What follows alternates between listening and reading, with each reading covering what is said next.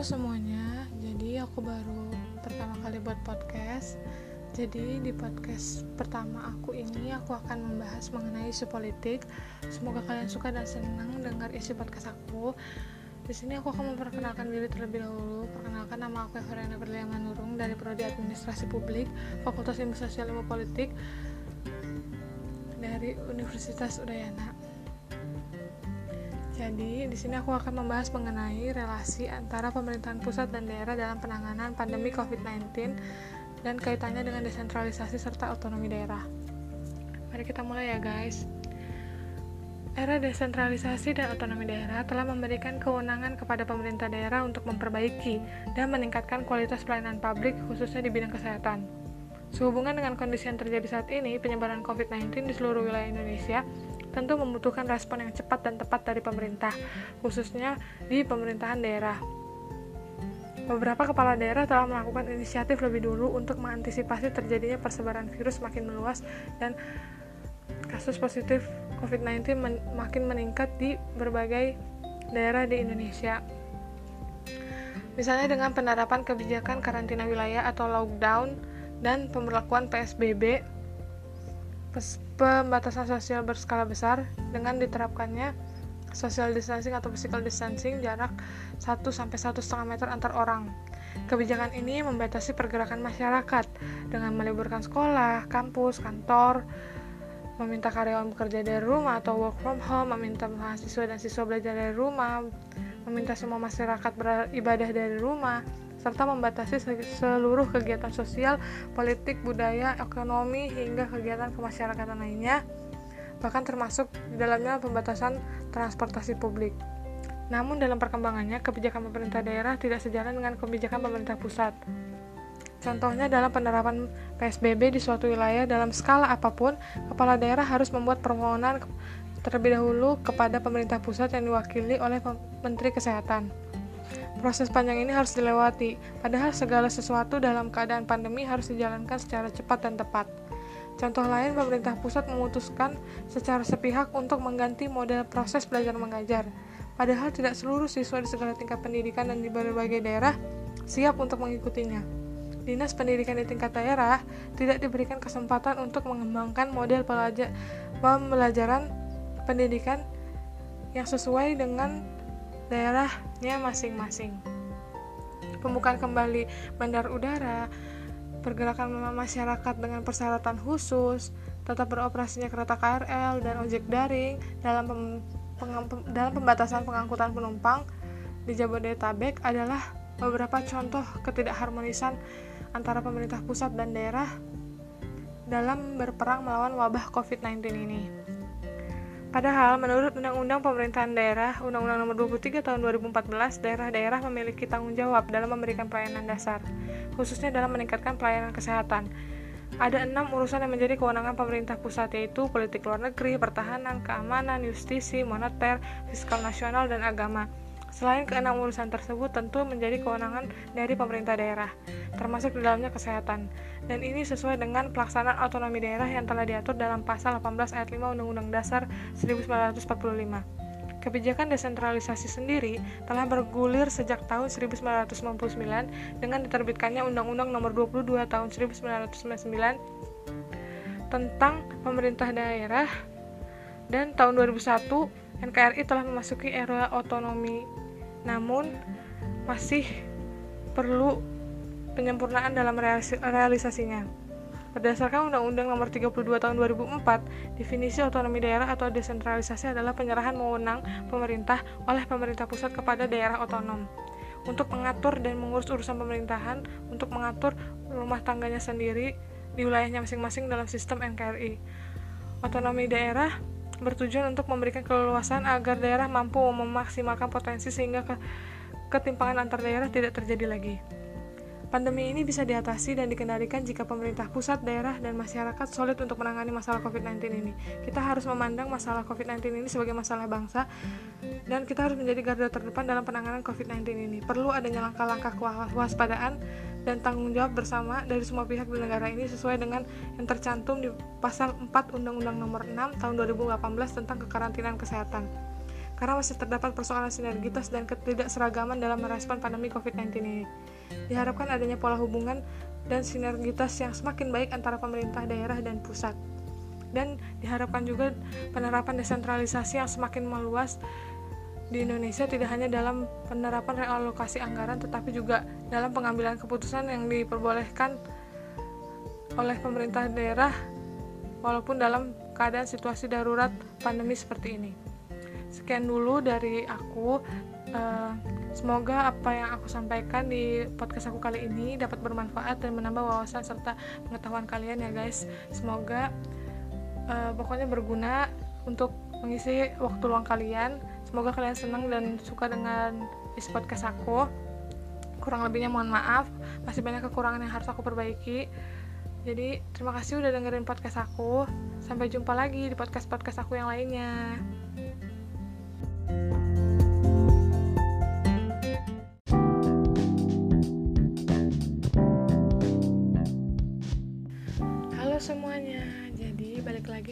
podcast aku yang kedua ini aku akan membahas mengenai isu sosial. Semoga kalian suka dan senang dengan isi podcast aku yang kedua ini. Dan sebelum itu aku juga akan memperkenalkan diri aku terlebih dahulu. Perkenalkan nama aku Evariana Berlian Manurung dari Prodi Administrasi Publik, Fakultas Ilmu Sosial Ilmu Politik, Universitas Udayana. Di sini aku akan membahas mengenai mobilitas sosial. Kita sering mendengar berita-berita bahwa adanya gubernur menjadi menteri, gubernur menjadi presiden, menteri jadi presiden, dan menteri jadi gubernur. Ini sudah menjadi bahasan sehari-hari di tengah masyarakat.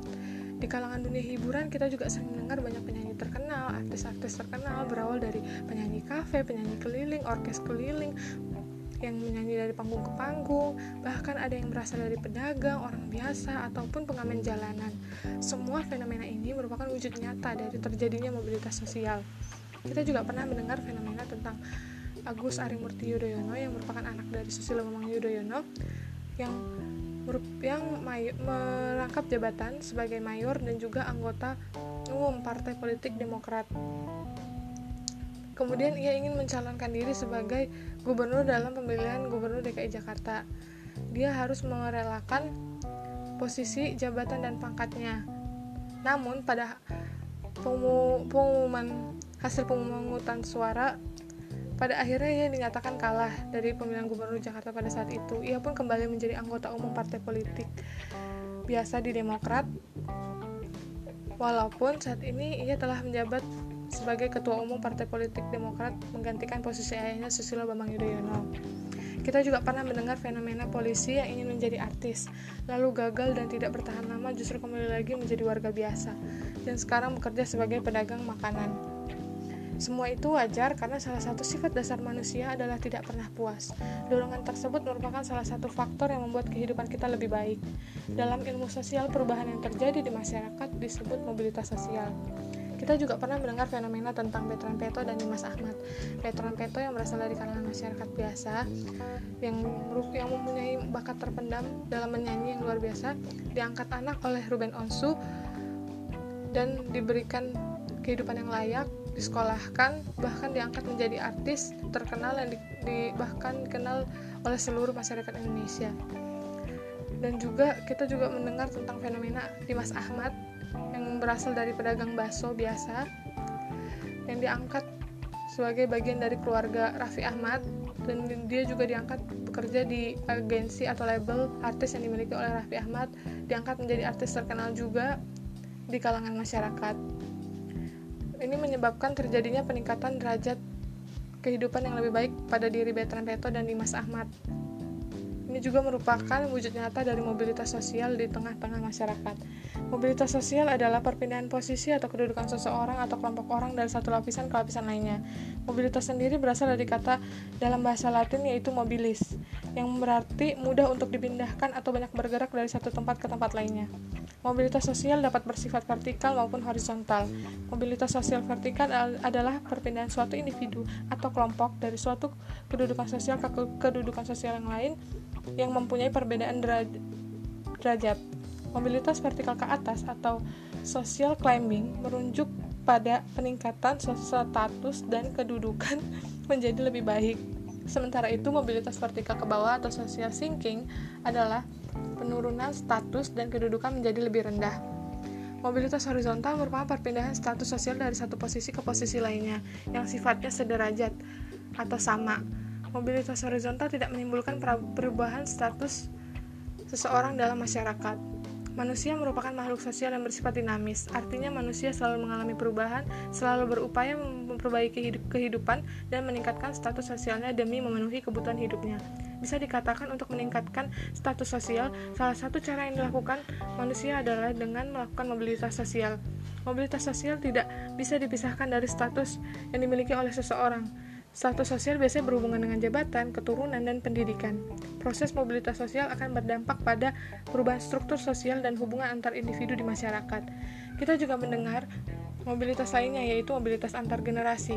Mobilitas antar generasi adalah perubahan sosial yang dialami dalam suatu garis keturunan. Mobilitas sosial jenis ini terdapat dua jenis yakni mobilitas intergenerasi dan mobilitas intragenerasi. Mobilitas intergenerasi adalah perubahan kedudukan sosial di antara anak dan orang tua atau di antara satu generasi ke generasi selanjutnya. Mobilitas intragenerasi adalah perubahan status sosial dalam satu generasi yang sama. Contoh mobilitas intergenerasi adalah uh, ibunya atau ayahnya adalah seorang petani atau pedagang beca, apa ada peda atau pedagang atau tukang beca dan dia anaknya justru bisa bertumbuh menjadi uh, pribadi yang lebih baik dan sukses. Salah satunya ada yang menjadi eh, jenderal uh, TNI itu sudah ada contohnya di masyarakat. Sudah ada bukti nyatanya. Jadi sekian dulu uh, di, dari aku di podcast kedua aku ini. Semoga podcast aku ini bisa menambah wawasan dan pengetahuan kalian mohon maaf masih banyak kekurangan di sana sini masih banyak yang harus aku perbaiki. Uh, semoga juga bisa berguna dalam mengisi waktu luang kalian ya guys. Terima kasih banyak udah dengerin podcast aku yang masih banyak kekurangannya ini yang masih absurd ini. Terima kasih banyak. Uh, sampai jumpa di podcast podcast aku yang lainnya